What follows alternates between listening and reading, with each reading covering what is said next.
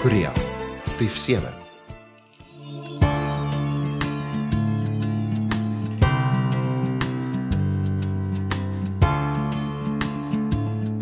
In die aande slaap ons met die ligversorging aan. Dit hang bo die TV in die leefkamer. Ons los ons deur oop en nadat ons al die deure van die ander vertrekke toegemaak het, vat dit so 'n halfuur voor die koel lig stadig die kamer se warm donserigheid stikkend begin knibbel. Om by die tyd trek een van die twee van ons na die kombers by ons voete en begin so stuk stuk ons liggame daarmee toemaak. Ten spyte van die feit dat ek 'n stelling op die ligversorging gekry het wat vinnig genoeg die kamer koel maak om in die slaap te raak, maar nie te vinnig koud dat ons verklein nie, is ons hele kamer en leefkamer 'n yspaleis die volgende oggend. Sodra die lig deur die skreefies in die venster breek, trek ons mekaar gewoonlik nader en broei nog so ruk in die nesie wat ons opgeskrob het. Dis Margus se speciality. Dit en kokosneut curry. Ek's altyd eerste op en maak al die vensters onmiddellik oop. Om alleen wakker te wees is alleen, maar om in die koue alleen wakker te wees is bevrore smart. 'n Mens kan nie die hitte glo wat buite die woonstel opgedam het nie. Die mure klou nog so halfuur lank vas in hul ysbaadjie Maar kort voor lank is elke hoekie in die huis mank verlam deur buitekant se droë aspek asem. Die beide van ons slaan twee koppies kitskoffie weg in die eerste 10 minute van die nuwe dag. Ons sit oorkant mekaar. Maag sit op die wit bank en ek op die gryse wat ek gekry het by die skool. Stadig begin die realiteit van klasvoorbereiding poslaan en beide van ons trek stadig boeke nader wat ons een of ander aanduiding kan gee van hoe om te werk te gaan met 'n warboel van klasse wat ek wils afhang van wat jy kan toevoeg tot dit wat eintlik maar vingeroefeninge is as ons net doen wat die salabes van ons verwag. Eers teen 10:00 is daar daadwerklike lewe in die huis. As jou dag eers 2 uur snags eindig, is 10:00 'n redelike tyd.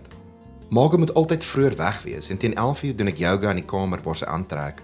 Sy hou my gewoonlik so uit die hoek van haar oog dop terwyl ek my lyf rondbuig in posisies wat vir haar volksvreemd bly na al die jare. Sy sit voor 'n selfgeskepte speeltafel en werk stadig deur al die stappies om die sag tog gedetermineerde vrouebeeld voor te bring wat sy bedags op haar fiets laai en na die boonste skool vervoer. Teen die tyd dat ek die vrolike dientjie hoor wat ons deurmaak as hy oopgesluit word, sweet ek die laaste paar druppels uit op 'n handdoekie op my skoot en staar sittend myself diep in die oë voor haar spieël. Sy kus my altyd tot siens en ons beklemtoon ons onsterflike liefde met 'n aanmoedigende woord vir mekaar. Dit verg nogals baie vir 'n 40-jarige man om genoeg aanmoediging te kry om vir die eerste keer in sy lewe weekdae skool te gee en dit is geen anders vir my nie. Ek staar myself stip in die oë en sê: "Hierdie is net die volgende klip waarop jy moet trap om oor die stroom te kom. Die ander klippe gaan anders lyk en voel. Die ander klippe kan stede wees of blote molekules. Hou aan beweeg. Dis 'n avontuur wat jy gekies het en die avontuur is smoor verlief op jou. Wees verlief, wees intuïtief. Maak 'n gemors en ry met weer op. Wees groter en sterker as die dag tevore." Ek trek een van die drie kortbroeke wat ek saamgebring het van Suid-Afrika aan vou my kousies dubbel oor en weer af oor my hak sodat dit soos kort kousies lyk. Ek gaan sit op die grond voor ons voordeur om my skoene aan te trek voordat ek op my fiets klim en die kort 10 minuut pad trap tot by die skool. Dit voel vir my elke dag die pad wat ek ry in 'n ander windrigting lê as wat dit voorheen was. Ek kan nie wheelie met my fiets nie. Of ek's te vet of die fiets is te swaar, maar daar's drie sypaadjies waar ek sou kon wheelie as ek moes, maar ek kan nie, so ek doen nie. Tipies van my oorsorgvuldige persoonlikheid, ek altyd eerste by die skool. Ek skakel die rekenaar wat in Koreaans is aan, sit die ligversorging aan en soek rond in die boekrak vir boeke wat ek kan gebruik, kry kaartjies met voorwerpe of aksies op wat ek ook kan gebruik en besoek so twee internetwerwe waar ons 'n eindelose hoeveelheid klasoefeninge opgespoor het wat vorige onderwysers uitgewerk het om te gebruik as ekstra lesinformasie. Daar's 3 rekenaars en 4 onderwysers, so iemand eindig altyd op deur iewers met hul skootrekenaar te moet gaan sit. Teen 2 uur stroom die kinders in met die oranje skoolbussie wat hulle daar aankarwei. Daar's twee bestuurders wat daagliks die bussies bestuur.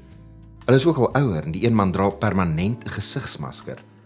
Dis of omdat hy dink hy dra saam met hom 'n virus of dat hy weet die kinders dra ietsie onkuis saam met hulle. 'n Kind is mos maar eintlik 'n teelaarde vir kieme as gevolg van die ruimtes waarin hulle verkeer wat in die ruimte saam met hulle is en hoe naby hulle aan die ander veilietjies is wat ook in hierdie ruimtes verkeer, speel 'n sentrale rol in die stamina van die camp. As jou oë uitvee, is jy halfpad deur jou dag. Die beste metode om te gebruik as jy met kinders werk, is om so mal soos 'n laboratorium toetskonyn te raak. My Koreaanse woordeskat stadig besig om te groei, maar tussenin gebruik ek elke mimiek tegniek wat ek ken, gekoppel met gesigsuitdrukkings om eenvoudige objekte soos ballonne tot komplekse emosies soos lus en verwyd uit te beeld.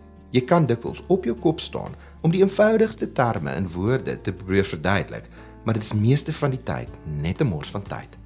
Jy kan jouself letterlik hoor afblaas van die opgeboude puntloosheid wat jou nie gaan mis nie, maar wat vir jou vir een of ander rede swaar misbruik laat voel as hierdie puntlose proses eens verby is. Tussenin klap jy 'n klein miniatuurkoppie skits koffie en draai jou pennesakkie lugversorger remote, selfoon en boeke van die een vertrek na die volgende. Teen die einde van die dag voel dit gewoonlik of iemand 'n stowwerige lap deur jou brein geryg het en jy wonder saggies maar diep of daar enige permanente skade jou aangedoen is. Ek kry vir Margo gewoonlik reeds terug by die huis op haar wit bank as ek my skoentjies afskop by die deur. Somstyds ry ek nie direk huis toe nie, maar sy vir eers 'n paar keer deur die strate in die buurt. Ek stop somstyds en stap by 'n plek in wat lyk of dit my vooropgestelde kulturele opvattinge nog so 'n bietjie verder kan verdryf of herbevestig.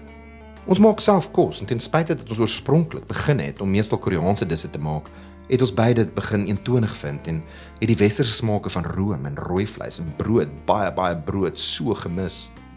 Na ete kry ek dit reg om nog so 'n bietjie Koreaanse taallesse in te werk, maar klas gee los jou 'n suiwer sagte rou stukkie verwarde verknorsing en jy het tog daai afdraai en ontspan nodig. Ek sê maar as hierdie brief uiters vervelig voorkom. Na ons vakansie was dit miskien juist die alledaags wat 'n mens eintlik weer kan waardeer en besef dat almal so 'n rotine het. Ek hoop julle sien net ook 'n werklikheid daaraan wat vir julle as 'n klein verversingkie optree om tog diepte te put uit dit wat op die oppervlak eintlik eentonig, maar fantasties is. Uit die blinkkant bo.